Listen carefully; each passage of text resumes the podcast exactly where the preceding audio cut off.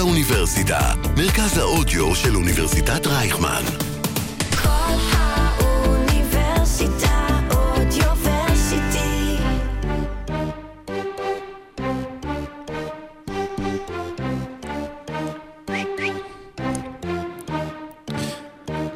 הפלייאוף עוד מעט אה, מפציע, ובפרק של היום נשמע מי פציע, ומי כבר לא פציע, ומי עוד יכול להיפצע, ואיך זה הולך אה, אולי להשפיע על הקבוצות, ואיך זה הולך להשפיע על אה, עתיד הליגה ולוח המשחקים שלה. ובדיוק בשביל זה הבאנו לכם היום מומחה מיוחד, שיענה על כל השאלות, ועוד מעט כ- כנהוג אצלנו בעושים NBA, סורוקה יציג אותו. אז לא נחכה איתכם יותר מדי, פרק 132 של עושים NBA, אנחנו יוצאים לדרך, אפילו לא הגענו לטיקי טיקי, אז רוצה להגיד משהו סורוקה? אה, היום זה לא טיקי טיקי, אלא זה אה, טיקי טיקי ברצועה. טיקי טיקי ברצועה. אנחנו היום ברצועת שידורים מיוחדת. ו... טיקי טיקי טיקי. I heard it pop. פרק 132, התחלנו.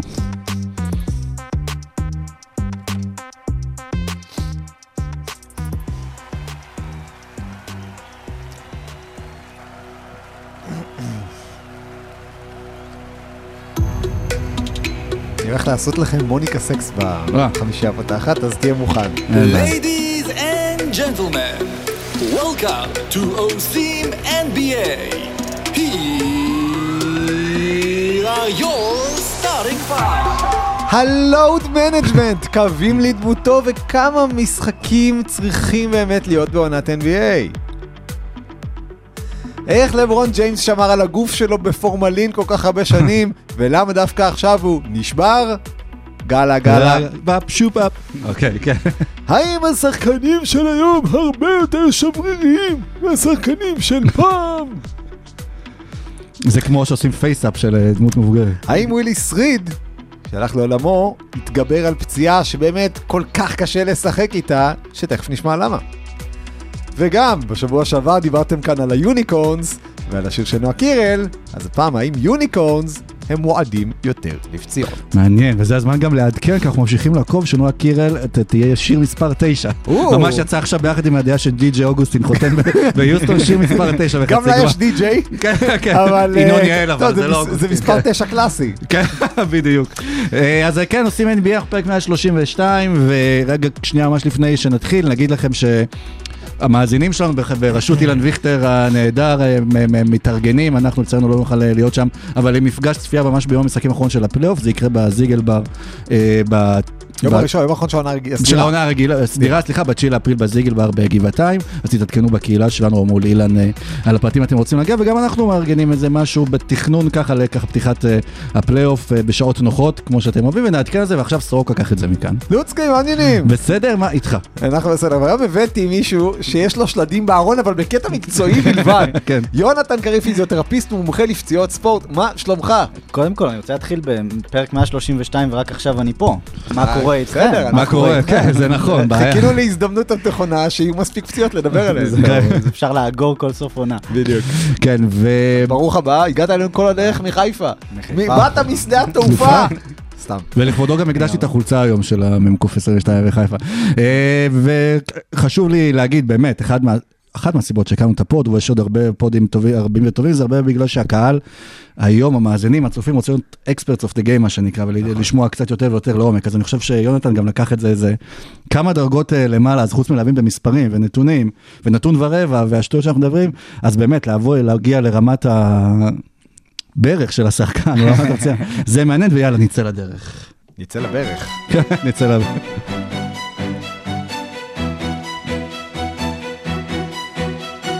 רבע ראשון, נצא לדרך ונאחל מי שברך אה, לכבוד הרבע הראשון שלנו, וברבע הראשון אנחנו בעצם נדבר על נושא אולי שהוא הכי חם בליגה.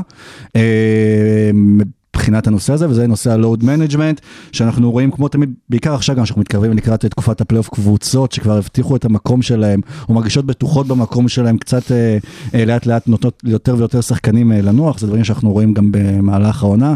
משהו שעוד התחיל בימה, הראשון שהתחיל את זה בתכל'ס זה היה גרג פופוביץ', ומאז זה המשיך להשתכלל, ו...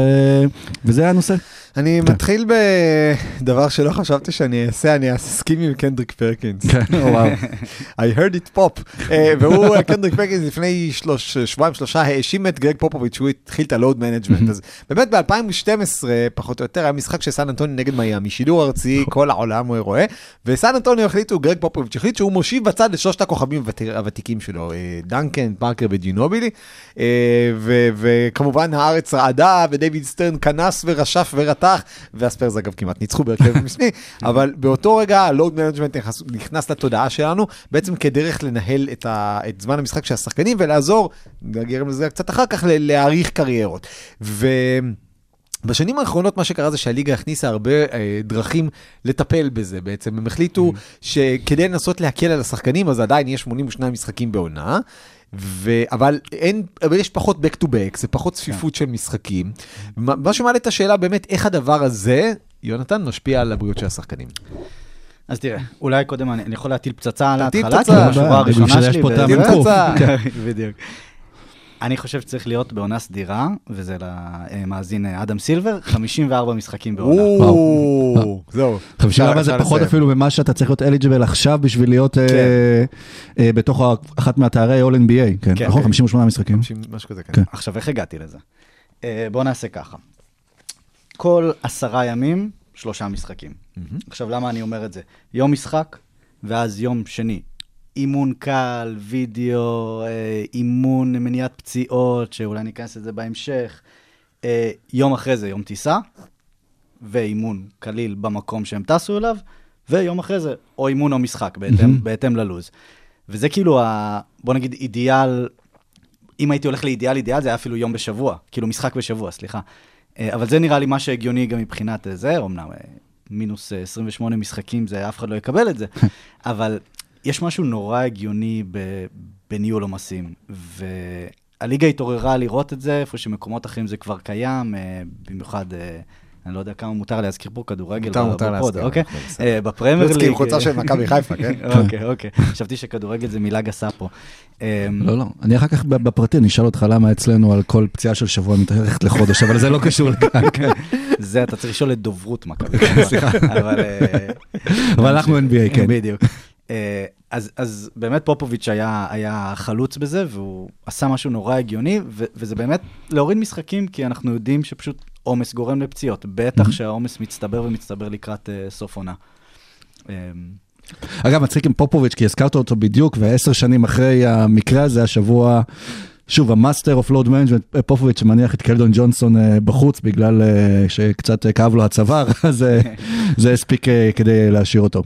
כן. כל, בכלל, רשימת הפצועים של סן אנטוניו, אין דבר יותר רנדומלי בעולם, כאילו, מספרים בלוטו זה פחות רנדומלי מרשימת הפציעות. למרות שזה מדהים, כי מהרגע באמת שסן אנטוניו הבינו שהם כנראה הולכים להיות ב-top three ב- בהגרלה של ה- של ה-lottery, קבוצה... משהו קרה. כן, יוסטון מנצחים שלושה משחקים רצוף, צריכים את הלייקר, זה בכלל כזה, זהו, אף אחד לא מפריע, יאללה, באטרף. כן, אה, אה, 54 משחקים זה באמת מספר מאוד יפה, ואנחנו יכולים להבין למה הליגה לא עושה את זה.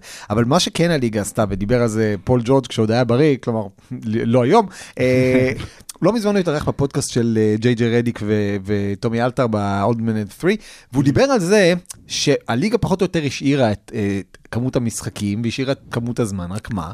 הם עשו פחות back to back, השחקנים היו מתלוננים על back to backs, והם היו פחות, עושים- מה שנקרא פחות אה, ארבעה משחקים בחמישה לילות, או חמישה משחקים בשבעה לילות, ומה שפול ג'ורג' טען, שאותי זה מאוד הפתיע, שהרבה שחקנים דווקא קצת הוציא אותם מהפוקוס, כי הם מעדיפים לשחק, שהגוף שלהם טרי אפילו את ה-back to back, כן. מאשר לנוח, ואז, ואז שבמקום שלושה ימי מנוחה, אין להם כמעט יומיים. כן. אז קודם כל, פול ג'ורג' סתר את עצמו שלוש-ארבע פעמים בחמש דקות שהוא דיבר על load management. אבל אני כפיזיותרפיסט, אה, שהייתי פיזיותרפיסט של קבוצה, תמיד יוצא מנקודת הנחה ששחקן רוצה לשחק. וזה, וזה המטרה של שחקן, הוא רוצה לשחק והוא צריך את ה passion הזה, וזה נכון. ושחקן תמיד ירצה לשחק ולא להתאמן, ברור. אה, ה issue הוא באמת, שהוא מדבר על זה שה-back to back, אז אני יכול להבין זה כעניין מנטלי, זה נכון, back to back זה מנטלית, אתה בפנים, אתה זה, אבל זה נוראי, כאילו, מבחינת uh, load management, זה, זה זוועה. Uh, והוא מדבר על זה בהמשך, על האימונים, מהמם. על הסיפור עם האימונים, שהן כבר uh, איבדו את האומנות של האימון הקשוח. וזה אני מסכים איתו. בחלק הזה כן, כי באמת יצא מצב שאתה כאילו יום כן, יום לא, או יום כן, יומיים לא. אתה לא באמת מתכונן, כאילו, ה... לי זה מרגיש כצופה, שנייה, ולא כפיזיותרפיסט, שכאילו המשחק איבד את המוכנות לקבוצה אחרת, וכאילו זה, תשחקו את המשחק שלכם, יהיה בסדר, מה שהתאמנו, וכאילו, אין מוכנות ספציפית לקבוצה, כי אין זמן להתאמן. אין issue שיתאמן, ולפי דעתי זה מוריד את הסקסיות של, ה... של הספורט, כאילו, ואת התפקיד המאמן זה קצת מוריד ממנו. אה, אבל זה גם בגדול זה תמיד היה, כאילו דווקא היום, כן. יש לך מצבים שדוחות ה scouting כל כך מתוחכמים, שאתה יכול היום לדעת, כאילו באמת בשלוש לחיצות כפתור, שהשחקן שמולך אוהב לקחת את הזריקות שלו מחמישה וחצי מטר, כן. על יד שמאל, עם 16 שניות על שעון הקליעות. באופן כללי אתה אמרת כאילו מילה ממש גסה, כשאתה דיברת על לוח המשחקים החדש, אתה אמרת אימונים. כלומר, היום ידוע שקבוצות NBA כמעט לא מתאמנות במהלך העונה, ובאמת... אגב, זה, זה כן מעניין, כי עם 54 משחקים, או כל כמות שתהיה קטנה יותר, בטח שישמרו על אותה מסגרת זמן, גם לקבוצות יהיה יותר זמן להתכונן, וגם לקבוצות יהיה יותר זמן להגיע מוכנות.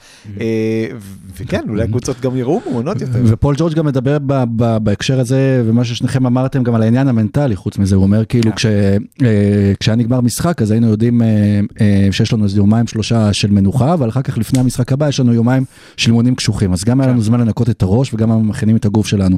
השאלה שלי אבל זה גם כמה זה קשור ספציפית לכמות המשחקים, העומס, ו- אבל כמה הפציעות קשורות לסגנון המשחק שהשתנה אולי, או לאתלטיות, או לשחקנים שמנסים לעשות דברים מרהיבים ותנועות חדות יותר, ו... כן. אה, אז תראה, מנקודת, עוד פעם, אני הולך לנקודת מבט של צופה, ותתקנו אותי אם אני טועה, מרגיש לי שהמשחק פעם היה יותר, בוא נגיד, פטריק יואינגי, יותר פיזי, קשוח, בצבע, מכות, זה, וגם השופטים הרשו יותר, והמשחק הלך ליותר ג'אמורנטיות. כלומר, ליותר אה, דריק רוזיות, ג'אמורנטיות, כלומר, יותר אתלטיות. אקדחים, מועדוני. חשפנות. כן, כן.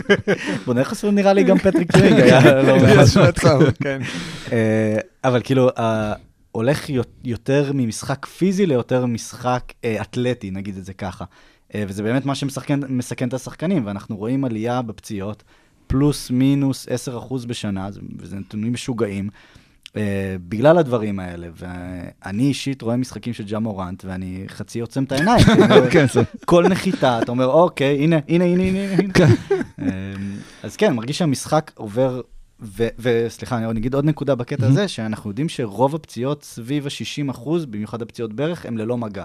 אז זה יותר פציעות של אתלטיות, כלומר, נחתתי לא טוב אחרי סיבוב ו-360 ולייפ, אה, ממכות. כאילו, אנשים שנכנסים אחד בשני, סבבה, זה סגול, זה זה, זה, זה מכה, אבל זה לא קרע ברצועה. כן. אה, וזה זה ההבדל הגדול, אה, בסוגריים פול ג'ורג', ש- כן, אבל סבבה.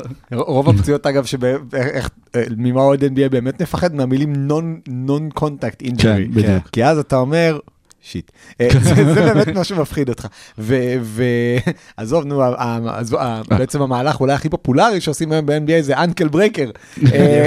זה literally מהלך שאמור לגרום לפציעה. אגב, אתמול שיחקתי ב-2K נגד קיירי אירווינג, עשיתי לו ankle breaker, נחתתי, הוא נקע את הקרסול ונעדר שבועיים שעבר, הרגשתי רע, הרגשתי הזדהות עם קיירי אירווינג, ואתמול בבוקר גם קיירי אירווינג סירב להחליף חולצה עם דילון ברוקס, נכון. פעמיים הייתי בצד של קיירי אירווינג באותו יום, אני לא חושב שזה אי פעם. קרה, טוב שמשה לא כאן. כן, לא, משה היום מתקשר לקיירי אירווינג, ו- ואנחנו נפרסם את הסרטון שהם אמרו שהם יחסים טובים, והנה בן סימונס אולי גם בא לבקר וישחק במכבי תל אביב בארץ. אגב, עשית ankle breaker עם Uncle Drew, כן, שזה- שזה הסיפור. אז נגיד 54 זה משהו שה-NBA לא, זה לא ברור. באמת אה, יקרה, כי יש בסוף כסף ושידורים והימורים וכדומה, אז מה כן המספר האופטימלי, או מה הדרך הנכונה כן, לפי דעתך, לסדר את כמות המשחקים? הדיבור נכון הכי רלוונטי זה 72 משחקים בעונה, בתוספת ל... אה, אה, לטורניר גביע שדויד, סטרן, שאדם סילברדוט, אה, דויד סטרן זה מי שירה במחבל. יקראו, כן, לטורניר לדעתי סתם, הדויד סטרן קאפ, אבל מה זה, למה זה 72 בעצם? 72 זה אומר אני משחק פעמיים נגד כל קבוצה מהקונפרנס היריב ושלוש פעמים נגד כל קבוצה מהקונפרנס שלי. בלי ארבע פעמים נגד כל קבוצה מה... ואז אגב תיאורטית אם...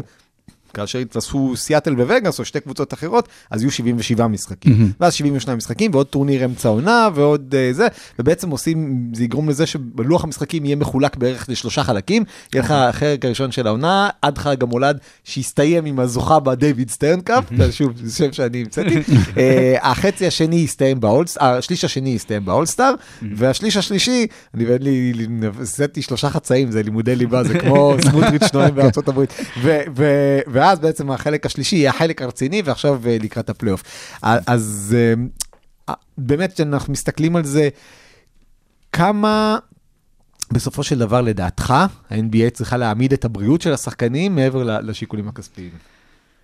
תראה, זה, זה נושא בעייתי. תראה, אה, בסופו של דבר, ה-NBA יפסיד אם לברון, אנחנו לא יודעים אם לברון יהיה בפלייאוף, אבל אם לברון לא יגיע, אם הלייקרס יהיו בגמר ולברון לא יהיה, אם uh, מילווקי יגיעו לגמר ויאניס לא, כאילו זה יהיה הפסד עצום. Uh, זה, זה הבלגן נראה לי יותר רציני, ואני לא יודע כמה הם רואים את זה, נראה לי זה כזה לגלגל את הקוביות, ובואו נקווה שכולם יגיעו לפלייאוף, אבל תחשבו ברצינות, מה, מה שווה לכם? להפסיד 10%, 15% משחקים והכנסות, או שיאניס, בוא נגיד יהיה דנבר מילווקי, מהמם. ויאניס ויוקיס לא, לא משחקים. כאילו, זה הרבה יותר נוראי לפי דעתי. זה נוראי גם למיתוג של הליגה, כי התחלנו לראות בעיקר השנה הרבה ילדים מאוכזבים עם שלטים שבאים לראות אה, שחקנים בהם, כן. מושלם, קובי אומר על זה, אנשים אה, כאילו חסכו כסף בשביל לראות, לבוא לראות משחק. פעם אחת, אז אני אעלה עם כל התחבושות עליי וכדומה.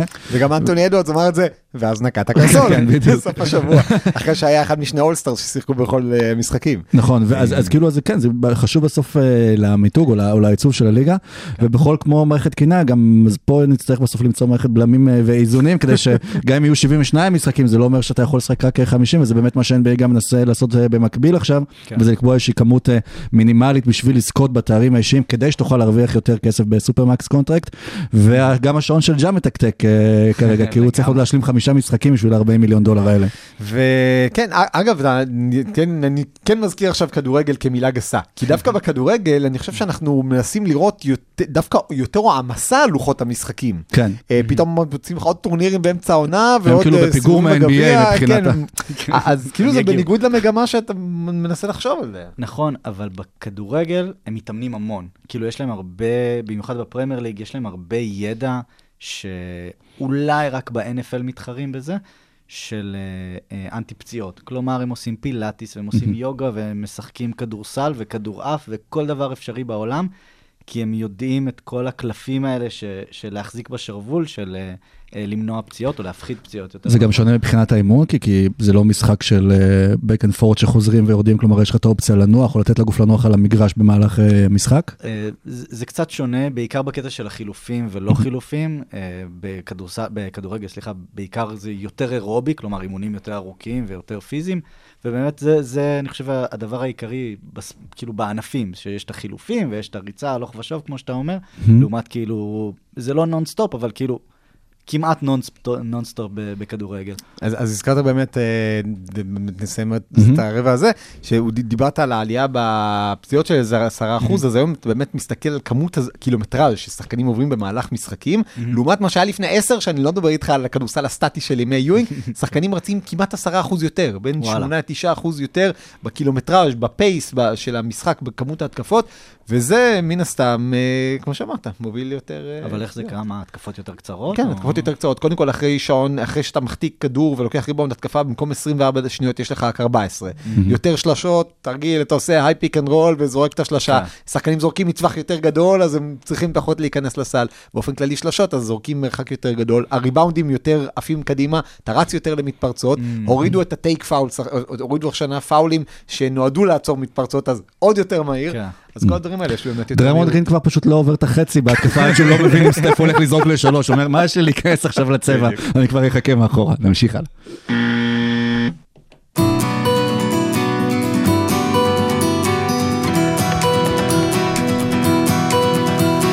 רבע שני.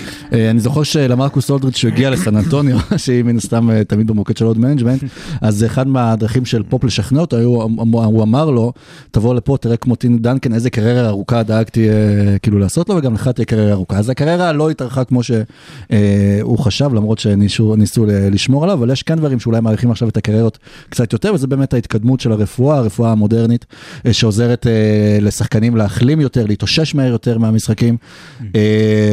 לברון ג'יימס, לדוגמה, אה, לא, אולי עכשיו זה כבר יותר, כי יש אינפלציה, אבל אה, סיפר שהוא מש- משקיע מעל מיליון דולר בשנה בגוף שלו ובטיפולים אה, לגוף שלו, ובאמת נשמח גם אז לשמוע, יונתן, איפה זה בא לידי ביטוי, איזה סוגים של רפואה או סוגי דרכים לאושש שחקנים אחרי המשחקים בצורה מהירה, כן. מודרניים עכשיו.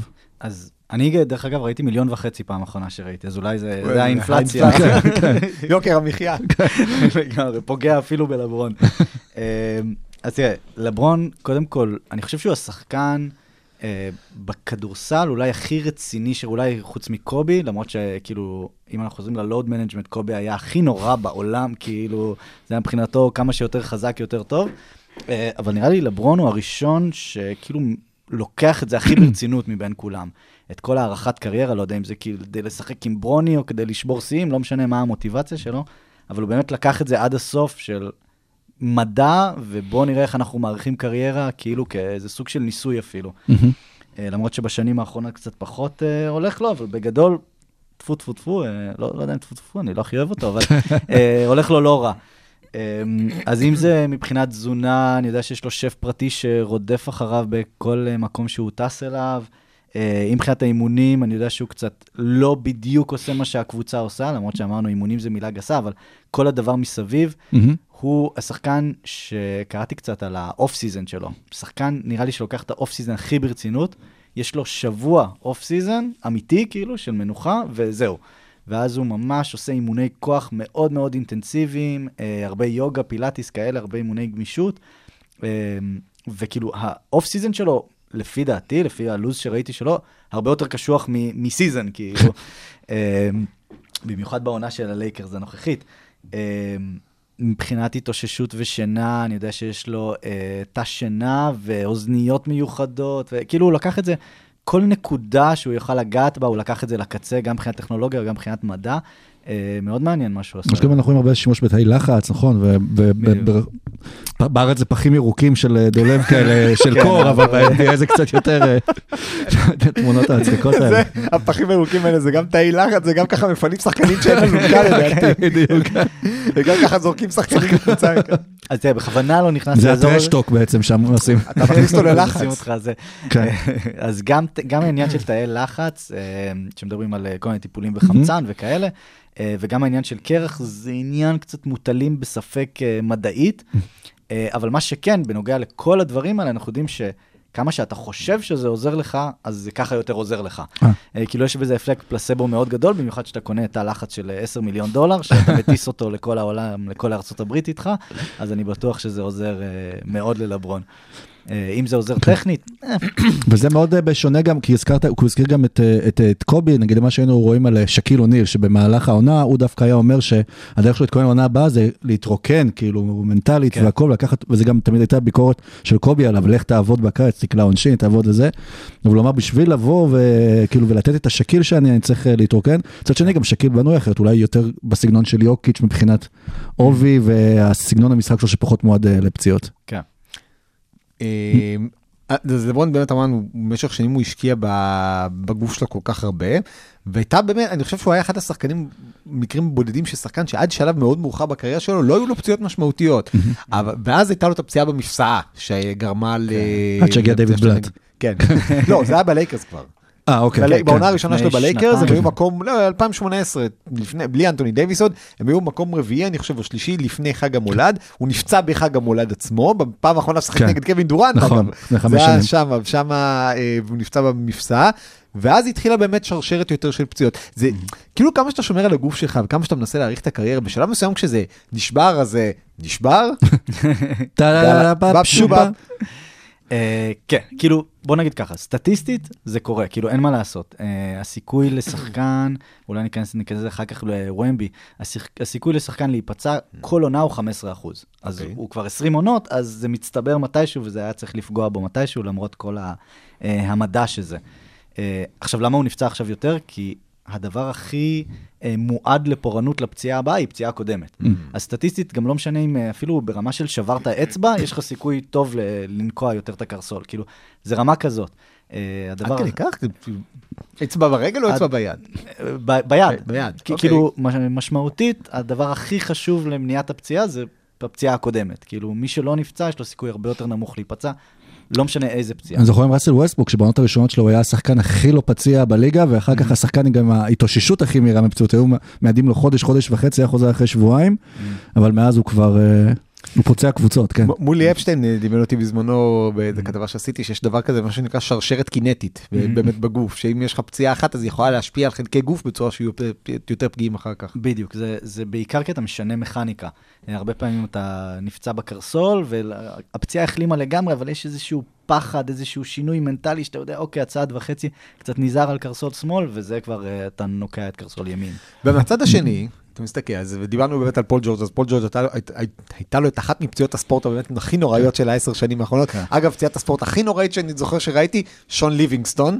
כן. על, אל תלכו ליוטיוב, ולא מדבר בכלל על קווין וויר במכללות. זהו, באתי להגיד. קווין וויר. אל תראו את זה בגוגל, אל, אתם יודעים שעכשיו שאמרנו על, כולם ילכו לראות כן, את זה. ברור שילכו, כן. דרך אגב, אני שם את זה למטופלים כדי לזעזע אותם. כאילו. אוי ואבוי. אז מה שנקרא, ב- ב- בהשוואה אליו, אתה סבבה, אמנם נפל לך הראש, אבל אה, לא יצא לך עצם מהמקום. כן, אז את זה אה, אין לך, אבל- כן, את. זה אין לך. אבל היום באמת, כאילו, שחקנים כמו פול ג'ורג' שבאמת הרגל שלהם נשברת באמצע, או גורדון היוורד, או- או הקרע באכילס של קווין דורנט, וקרעים ברצועה צולבת. פעם דבר כזה, היית חוזר מזה, היית יודע שאתה כבר לא תהיה אותו שחקן. כן. ומה באמת השתנה ב- ב- בשנים האחרונות, בעשור האחרון, שפתאום, אתה יודע, אתה, קווין דורנט, משחק יותר טוב אחרי הפציעה באכילס מאשר לפניה. כן. טוב, הוא, הוא ממש מקרה חריג, אנחנו יודעים שבדרך כלל אה, 90% מהשחקנים חוזרים לשחק, 10% לא חוזרים בכלל, מתוך ה-90, בערך 60% חוזרים לרמה ש, שהם היו. אז זה, זה כבר משהו חריג. Uh, בגדול, הטכנולוגיה השתנתה, במיוחד בעולם הרפואה, ב-30 שנה האחרונה, אפילו 20 פלאים. Uh, ברמה של כאילו לפני 30 שנה מישהו היה נפצע בברך, היו... לא היה MRI, היו נכנסים לברך לראות מה קרה. כאילו ברמה כזאת, זה היה... בדיוק, זה היה בוא ניכנס, בוא, נראה מה קרה, כאילו זה היה obvious, בוא, יאללה, בוא ניכנס לחדר ניתוח, לא רנטגן, לא כלום, בוא ניכנס. בוא תראה מה קראת, בוא תראה. אה, אז ברמה כזאת, ואם אנחנו נכנסים לתוך ניתוחים, אז גם ניתוחים עצמם השתנו המון, אה, אם זה רצועות סינתטיות ובנק שתלים, בנק רקמות, שהיום יש בכל עיר מרכזית בארצות הברית בנק רקמות עצום. אה, וזה דרך אגב לונזו בול עכשיו, אני, עכשיו הוא מבנק הרקמות אוספים לו בדיוק סחוס שיתאים לו לתוך הברך שלו. אה, והטכנולוגיה השתנה, השתנתה פלאים, סתם אתן לך דוגמה על אכילס, אז פעם אכילס היו חותכים מאחורה, וגילו שאם חותכים מאחורה זה קצת פוגע, אחר כך מוסיף איזה 3% לקרע חוזר. אז עכשיו פותחים מהצד אכילס והתפירה קצת שונה, כאילו כל הזמן דברים משתנים, המחקרים, במיוחד שזה שחקן של אה, 200 מיליון דולר, המחקרים על זה ברמה משוגעת. אה, וכן, גם עולם המחקר, גם עולם הרפואה רצים ביחד, והכל הולך להשתנות. פציעה אחת, עוד פעם אנחנו חוזרים ללונזו בול, זה סחוס שעדיין לא שם לגמרי. אה, האחוזים הם פלוס מינוס 70 אחוז, אפילו פחות, תלוי איזה ניתוח עושים. אה, פציעת סחוס זה, זה עוד הטאבו הגדול. אה, לא הייתה פעם מכשפה שמטפלת עם סחוס של אה, סוס, כן, משהו כזה? אוק- אוקראינה, כן, קרואטיה, משהו כזה, כן. אנחנו עוד ניגע בלונזו ברבע הבא, אבל רק עם סכין מנתחים.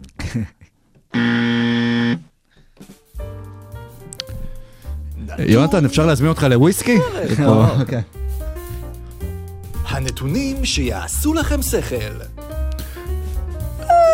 אגב, אה, שחקנים שבמהלך הפגרה לא מקפידים על אורח חיים בריא והרבה אלכוהול, זה גם משהו שיכול להיות, אה, להשפיע על הגוף. אה, אלכוהול, אנחנו יודעים שכן, אלכוהול ועישון זה שתי גורמים מעלים סיכוי לפציעות גדולים. אוקיי, אז תבדקו מה החבר'ה שלהם עושים בפגרה ב-NBA, ואנחנו עכשיו עם נתון ורבע של פרק 132, ואנחנו אה, יוצאים לדרך. אז קבלו את הנתון הבא, החבר השלישי במועדון הסנטרים לפחות 500 אסיסטים בעונה אחת, והוא גם עם ממוצע של מעל 7 אסיסטים, גם השלישי שעושה את זה, זה דומנטאס סאבוניס, הוא מצטרף לוויל צ'מברלן, וכמובן לניקולה יוקיץ', הם היחידים שהגיעו גם לאותם המספרים. אגב, זו גם העונה הראשונה בהיסטוריה של ה-NBA, בה שני סנטרים מסיימים אותה עם לפחות עשרה טריפל, טריפל דאבלים. קבלו נתון, תקבלו את המדורג ראשון החדש בטבלת כל הזמנים של חסימות לפוינט גארדים. חג שמח לג'רו הולידיי. מאחוריו נמצא עם ג'ייסון קיד, ג'ון וול, שיש שאומרים שהוא עדיין שחקן פעיל, מג'יק ג'ונסון ובארון דייוויס. וקבלו נתון, שלושה שחקנים בלבד בהיסטוריה סיימו עונה עם ממוצע של לפחות 30 נקודות, חמישה אסיסטים, חטיפה אחת וחסימה אחת. מייקל ג'ורדן, לברון ג'יימס, דוויין וייד ועכשיו מצטרף אליהם שי גילג'ס אלכסנדר. איזה שחקן, אז הנה עוד נתון על שיי, יש לו עונה מדהימה, הוא גם השחקן הראשון של הת'נדר, שמאז מאז, אה, דורנט וווסטברוק. וווסטברוק, כן, אה, קיירי נכנס לי לראש, יש לו real לא estate, יש לו real estate. אצלי, כן. הוא השחקן הראשון בת'נדר מאז דורנט וווסטברוק, שמגיע ל-40 משחקים בעונה, לפחות 40 משחקים בעונה עם אה, לפחות 30 נקודות, והוא גם השחקן השלישי העונה שעושה את זה, מבין כל השחקנים שעשו את זה גם לוקה ואמביד. קבלו נתון, טוריאן פרינס ממינסוטה סיפק ביום שני את ה effective field goal percentage הגבוה ביותר בהיסטוריה למשחק לשחקן שקולע לפחות 30 נקודות. 123.1 אחוז, הוא כלה 8 מ-8 ל-3 ו-4 מ-5 ל-2. מינסוטה עמדה באותו משחק על אפקטיב פילד גולד, זה משהו שמחשב שלשות והכל, של כמעט 70 אחוז, 69.9, התשיעי הכי גבוה בהיסטוריה שלה, ואגב, שישה מתוך עשרה, עשרת המשחקים, האפקטיב פילד גולד הכי גבוה שלה, היו תחת קריס פינץ'. יפה. קבלו נתון, בשנת 2013 רק שחקן אחד בליגה החזיק ממוצע של יותר משלושה שלשות למשחק.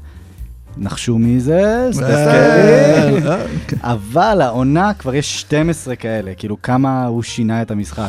מדהים, אז בואו נמשיך אה, רק כדי שתדעו באמת כמה הוא שינה. אז קיגן מארי מסקרמנטו כלה עד כה העונה 172 שלשות, סטף לא הגיע לכמות, לכמות כזו ב- ב- בעונה עד לעונתו הרביעית, גם יש לו פציעות אה, להגנתו שהוא היה צריך לסבול בדרך. נכון, אה, ועוד תקבלו על קיגן מארי, שבמידה שהוא יוסיף עוד 16 שלשות לנתון שהזכרנו קודם, הוא יהפוך לשחקן עם הכי הרבה שלשות בעונת הרוקי שלו, ויעקוף את דונובל מיטשל, שכרגע מדורג ראשון עם 187 שלשות כרוקי.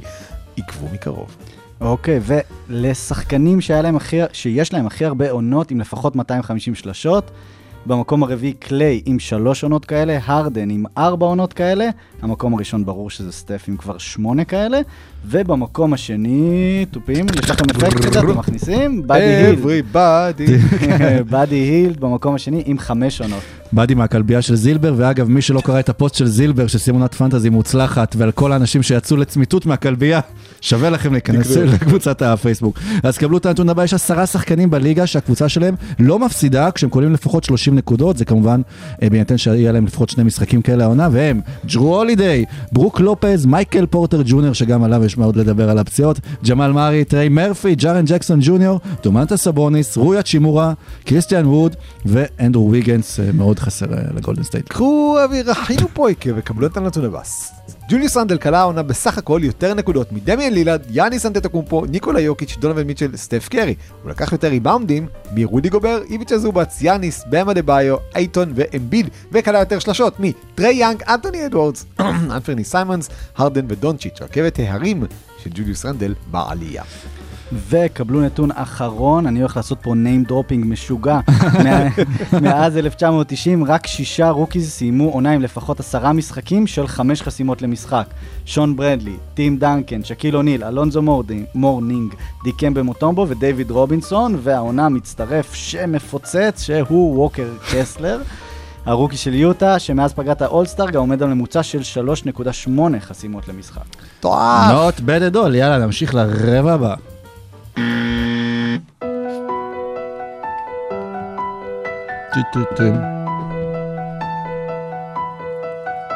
רבע שלישי.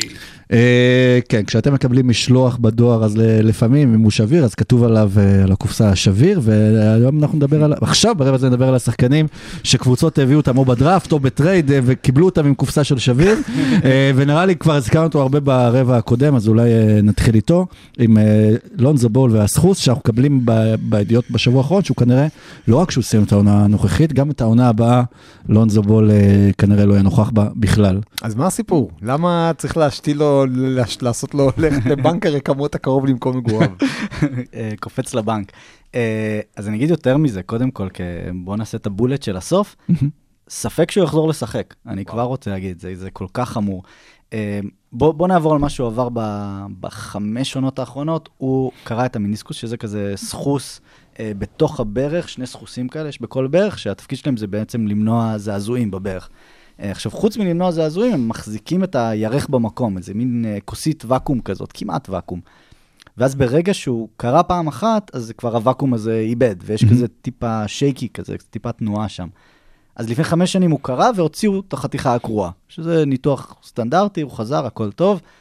קרה שוב, עוד פעם הוציאו חתיכה, זה היה בינואר 2022, ספטמבר 22 קרה שוב, פעם שלישית החליטו כבר לתפור את המיניסקוס, שזה כבר ניתוח ניתוח, זה שיקום של פחות או יותר תשעה חודשים, עשרה חודשים. קרה שוב את התפירה, מתי הוא הספיק? הוא לא הספיק לשחק, איך הוא הצליח כן. לקרוא את זה? אז הוא, כן. קרא את התפירה, זה היה, שם, יש שם קצת בלאגן, אה, דיברתי עם אורתופד שמכיר את האורתופד שלהם, והוא אמר שאין מצב שהוא תפר לו טוב, כנראה משהו בשיקום התחרבן שם. אה, כן, אז אה, הוא קרא את התפירה, הוציאו לו עוד פעם את החתיכות הקרועות, ועכשיו יש לו קרע בסחוס, שזה בעצם, המיניסקוס אמור להגן על הסחוס, אז ברגע. שהוא עבר את כל הבלאגן הזה עם המיניסקוס, הסחוס נהיה פגיע. אה, ולמזלו הגדול, אה, דוקטור בריאן קול, האורתופד של שיקגו, והוא מומחה, כנראה ה top שלוש עולמי בהשתלת סחוסים. אה, יצא לו מקריות כזאת נפלאה, אולי הוא עבר לשיקגו, כי. כן, כן. הוא העריך מה יהיה. אה, ובימים אלו, אה, דוקטור קול אה, משתיל לו סחוס. ו- ולונזו, כאילו לפני שגם ניגע בעוד שחקנים, אבל שהם גם בערך על אותו סטטוס, הוא, אתה יודע, יחסית מהשחקנים, ה... הוא כבר אולי יותר ותיק מה- מהאלה, אבל הצעירים בליגה.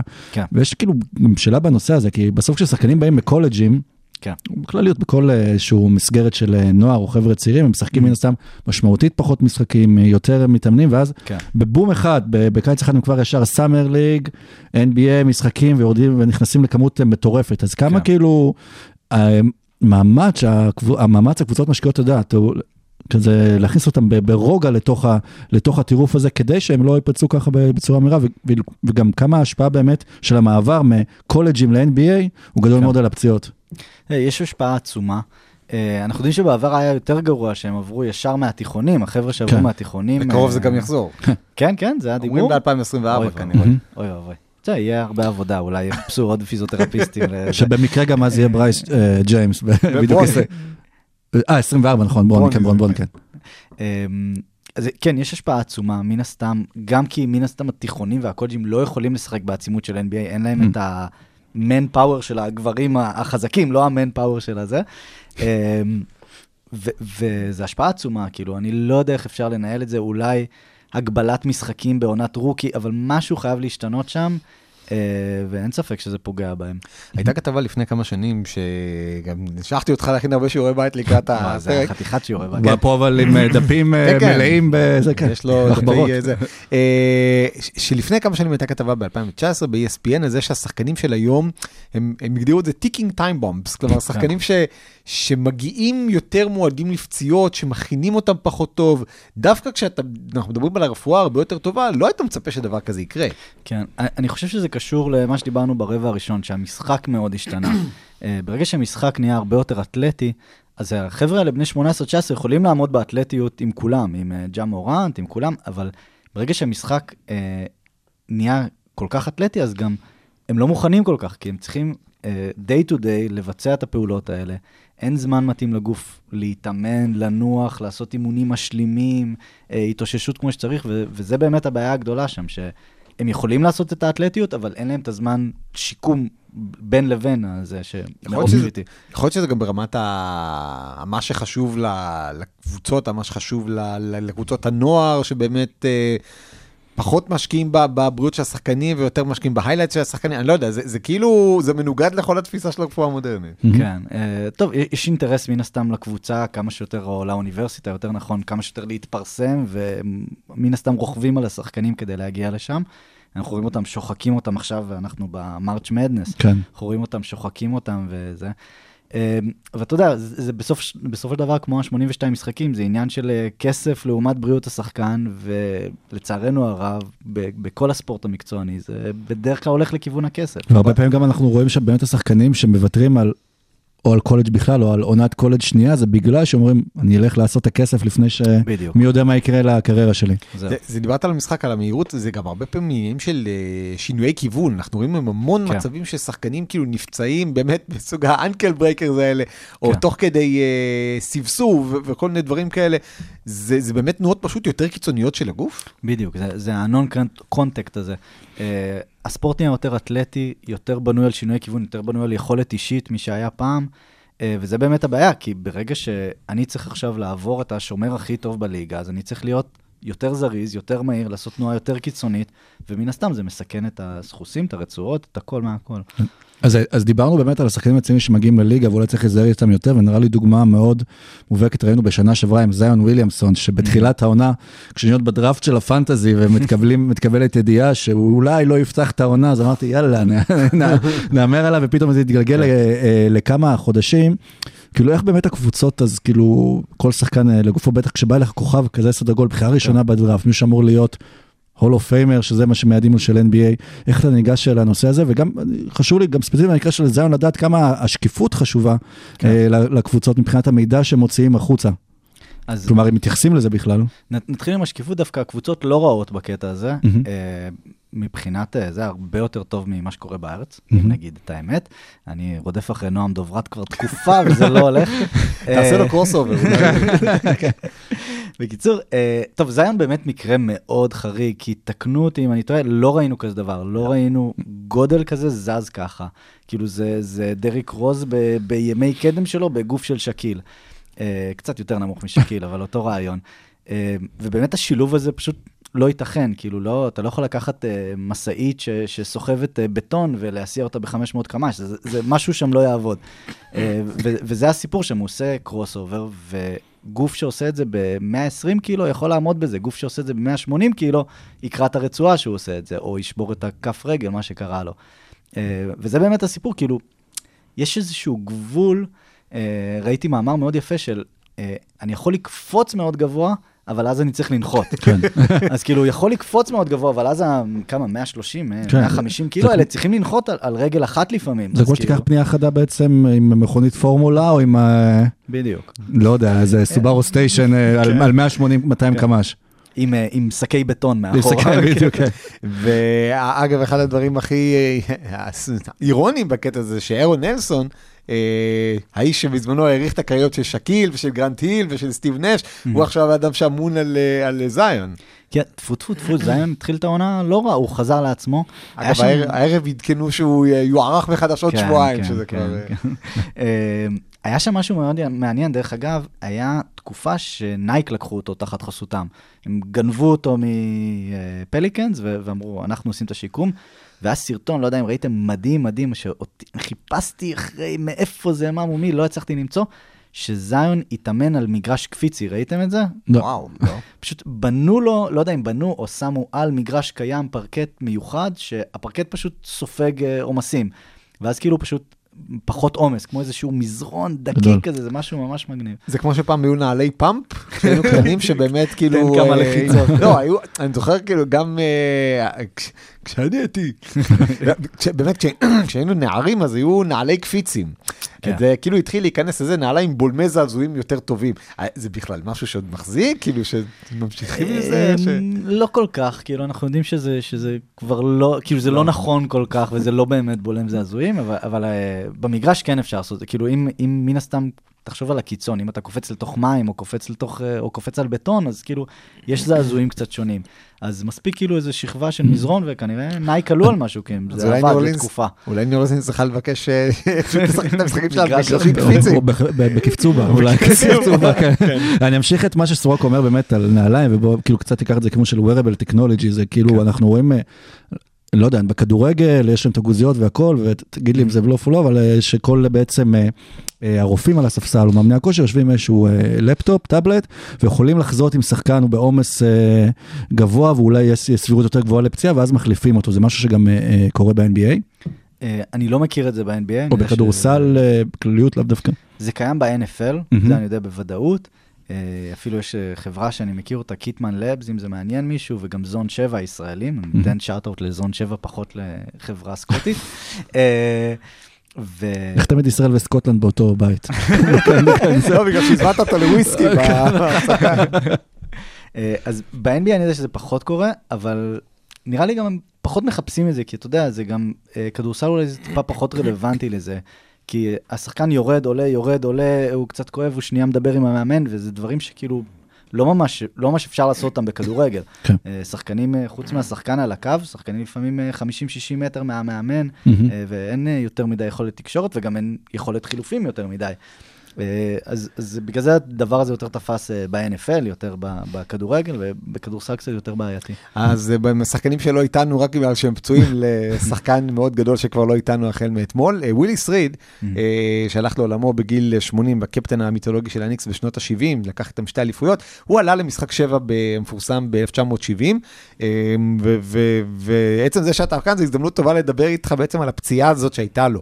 זו הייתה פציעה שאם אני זוכר נכון, השם שלה זה rectus femoris, או femoris, שזה נשמע כמו הצגה, שילוב של קריוס ובקטוס ושל מקס ומוריס, אבל... או של האחים מוריס, כן. ושל האחים מורקיס, אה, אולי בטח מרקוס פצע את מרקיף. אה, מה זה הפציעה הזאת בעצם שוויליס ריד באמת אה, סבל ממנה, ולמה כל כך קשה לשחק עם זה? אז בואו בוא ניכנס קצת, נחפור לכם אנטומית.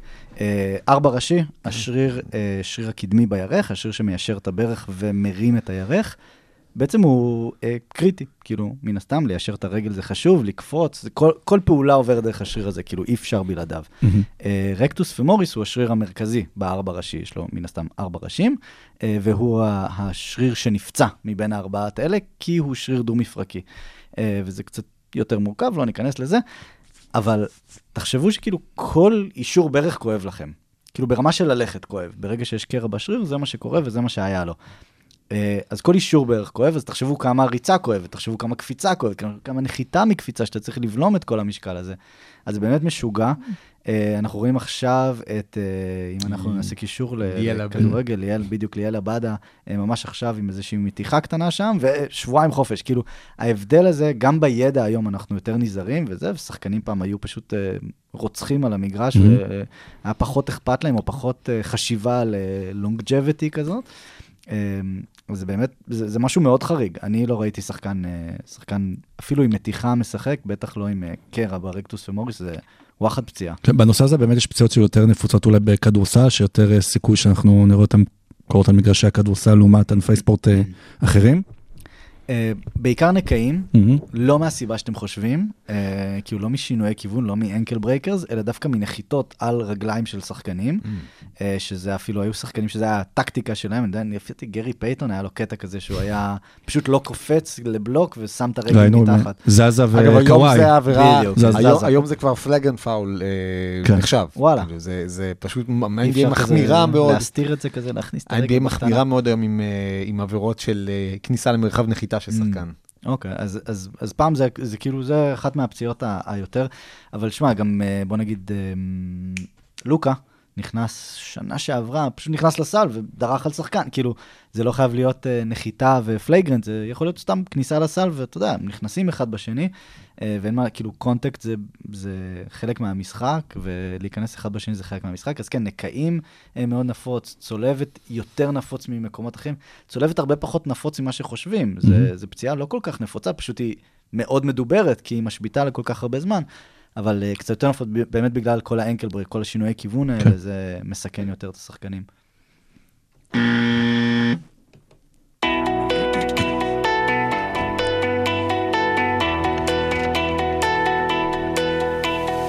רבע רביעי.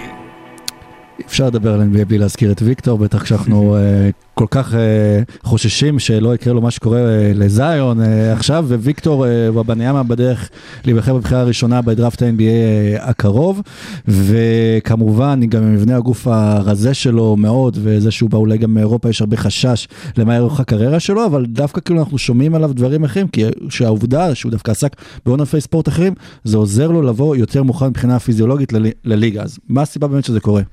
Uh, ככה. בוא, בוא נגיד קודם למה אני חושב שהוא ייפצע. uh, לא, לא מתי, זה, זה, זה כאילו, זה מתי, זה לא האם. Uh, אני, אני קצת זורק לכם נתונים. מתחת לגובה 2.10, הסיכוי כל עונה להיפצע, דיברנו על זה עם לברון, זה 15 אחוז. בין 2.10 ל-2.20, 25 אחוז. מעל זה פשוט לא נחקר, כי יש כל כך מעט שחקנים, אבל אנחנו, ברור לנו שזה יותר.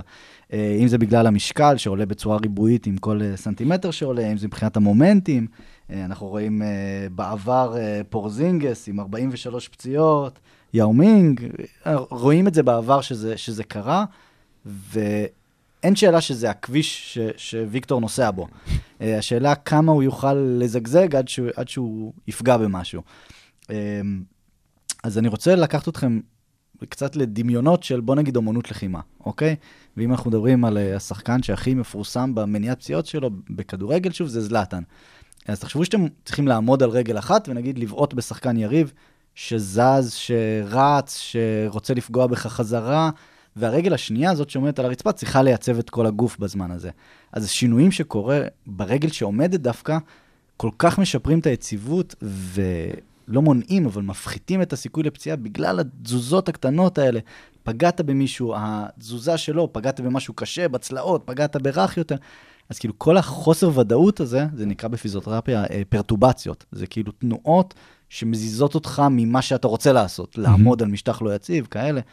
אז כל הפרטובציות הקטנות האלה, זה באמת ההבדל הגדול בין פציעה ללא פציעה. אה, ואם תלכו לכיוון אחר, לטניס, אז טניס זה תזוזות ש... תנועה שמאוד שונה מכדורסל. הקדימה, האחורה, הצידה, מהמם. זה, זה נורא שונה מכדורסל. ואז אם פעם אחת אני רץ, אה, סליחה, אני רצתי פעם, בוא נגיד פעם בחודש אני משחק טניס, ואני שחקן כדורסל, אז התזוזה הזאת לצדדים, הלטרלית הזאת, מאוד תעזור לי בהגנה, כי אני אהיה מוכן לשינוי כיוון הזה, לשחקן שיעשה לי ankle breaker, כאילו זה מאוד מאוד דומה לטניס, כאילו. אז כמה שהמגוון תנועתי יותר רחב, ואנחנו יודעים שוויקטור עשה גם ג'ודו וגם כדורגל, לפי זה, כן, הוא היה מהמם. שוער כדורגל, אם אני לא טועה, אה, מאוד יעזור לו, כאילו, זה, זה יכול להיות הבדל מאוד גדול, הוא עדיין ייפצע, כן. אבל זה יכול למשוך לו עוד כמה חודשים.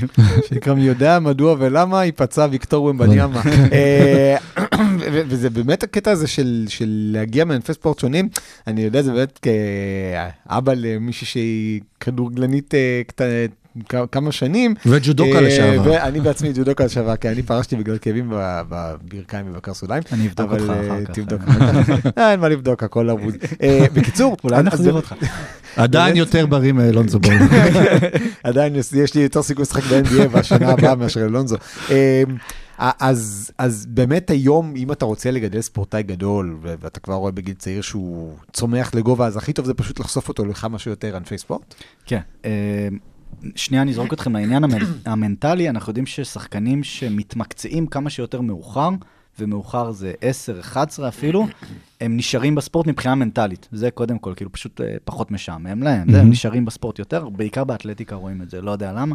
אה, לפי דעתי בגלל השעמום והלבד שבאתלטיקה לעומת ענפים אחרים. אה, ומבחינת פציעות, מי שמתמקצע מגיל 10 ומעלה, יש לו, סליחה, מי שמתמקצע מוקדם, יש לו סיכוי פי אחד וחצי להיפצע. וואו. אה, בגלל הדברים האלה שאמרנו, הטניס, השינויי כיוון האלה, אה, תחשבו על כאילו המגוון התנועתי, צריך כמה שיותר מגוון תנועתי. הגוף צריך להכיר כמה שיותר תנועות. אה, ואפשר לעשות את זה רק בחשיפה להרבה ענפים. אם אני עכשיו אה, לבד משחק כדורסל, אני לא אחשף להרבה תנועות, אני אעשה צעד וחצי, אני אעשה זה, אבל אי אפשר אה, להגיע למגוון תנועות שיעזור לך במקרה של השינוי כיוון, שהשחקן שאתה צריך לרדוף אחריו, והוא שם לך רגל ונפלת, ושם לך רגל מתחת לנפילה, אז אתה תהיה נורא מוכן לזה כשזה יקרה בטניס, שאתה סובב טיפה את הקרסול, וזה יקרה בג'ודו, שאתה תבעט במישהו. אה, סליחה, באמנות לחימה אחרת, בג'ודו לא בועטים. אה, כן, אה, אבל זה יקרה במקומות האלה, ואז אתה תהיה מוכן לזה הרבה יותר, גם מבחינת אה, הכוח של הרצועות.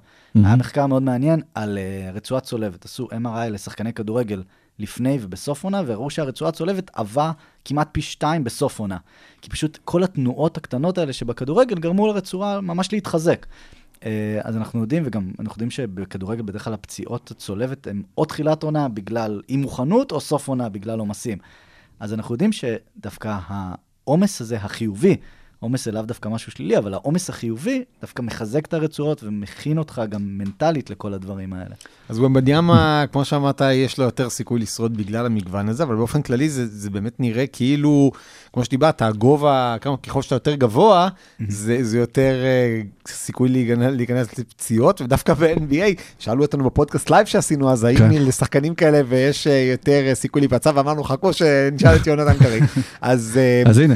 אז יש היום, אבל אנחנו כן רואים שה unicorns האלה, הרבה פעמים זה, זה בא במה שנקרא במשקלים שונים. כלומר, יש את אלה שהם ממש שרוכים, אה, ויש את אלה שהם קצת יותר שמים שריר על עצמם. אז איפה... איך מוצאים את הבלנס הזה? כלומר, מתי אתה יודע ששחקן אה, הוא לא שקיל אוניל מצד אחד מבחינת העובי, אבל גם לא פורזינגיס מצד שני? איפה, כלומר, אתה צריך, זה, זה אינדיבידואלי או שיש איזה משהו שהוא כזה אמת אה, קולוסלית? אה, נראה לי זה מאוד אינדיבידואלי, זה כאילו גם תלוי עמדה וגם תלוי שחקן. אה, בוא נגיד על, על ויקטור, אז ברור שאם הוא יעלה הרבה משקל, הוא יהיה בצרות. כי גם המשחק שלו הוא מאוד תנועתי, הוא לא יוקיץ', הוא לא צריך להיות שמן במרכז שלא קופץ. הוא כן זז, הוא כן רץ, הוא כן קופץ, הוא כן עושה שינויי כיוון.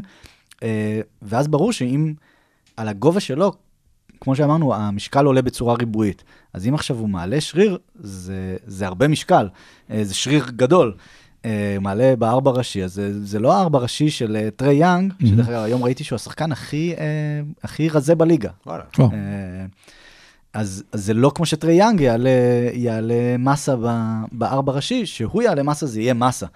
אה, אז כן, וזה ישנה לו את כל שינויי כיוון, ו- והוא יפנה לכיוון הזאיוניות של האובר משקל והשינויי כיוון שמסכן אותו. בוא נקווה שזה לא יקרה לו, כי אה, בכל זאת, זה שחקנים שנבחרו במקומות גבוהים בדראפט ונמצאים עכשיו על המדף. רק- על זה כל כאלה. כמות הקבוצות שהשנה הקריבו את עצמם בשביל ויקטור, רק על זה, זה כמות האחריות אה, שיש עליו. אה, עוד משהו שאתה רוצה... כן, אני מזכיר רק שמייקל ג'ורדן כנראה ימכור את חלקו בשרלוט, מה שאומר שעכשיו זה הזמן של ה-NBA לתת להם את אומבניאמה. טוב, אז עד אה, כאן פרק 132 של עושים NBA. קודם כל, יונתן ממוד, תודה שבאת. אני חושב שזה היה. הפרק הכי אה, מסקרן שלנו. גם ספציפית ה-NBA, כלומר, זו ליגה... לא מקדשת הפציעות, אבל יותר פתוחה או משתפת, כמו שקצת הזכרנו בנוגע כן. לפציעות, בגלל שקבוצות חייבות אה, להגיש injury report לפני אה, כל משחק, ולא כן. סתם להחליט שרירותית ששחקן אה, אה, לא עולה, אז זה הופך את כולנו לקצת יותר אה, מומחים. אז תודה רבה, יונתן, היה מעניין. בפעם הבאה לא תהיה בפרק 264, זה קצת קודם לכן. שבוע הבא, קבענו. אפשר גם בשבוע הבא. אנחנו, אגב, בשבוע הבא נתחיל לסכם לכם אה, את העונה ולהכין אתכם אה, לקראת הפלייאוף, וכמובן גם כשיגיע הפלייאוף נפתח את הברקט הימורים אה, הקבוע שלנו. ותודה רבה סורוקה. תודה מלוצקי. ותשמרו על עצמכם, שמרו על הבריאות. ורגע, ויונתן אה, קריא כאמור, אה, פיזיותרפיסט מומחה פציעות ספורט, איפה אפשר עוד לעקוב נכון. אחרי פועלך? וואו, איפה לא? טיק טוק, פייסבוק, יוטיוב, טוויטר, מוטלה? הכל. מוטלה, אתה זוכר שהיה פעם כזה מוטלה לזקנים? מוטלה לא. קראו לזה? מוטלה, מה זה? היה מוטלה. אני זוכר היה יש לך חבר'ה. מייספייס? איפה? חבר'ה, חבר'ה, איפה חבר'ה. הפיליפינית שלך? במייספייס. במייספייס. אז גם שם הוא יהיה. ויאללה, נתראה בשבוע הבא, פרק שיהיו לכם- 133. הרבה פרטובציות.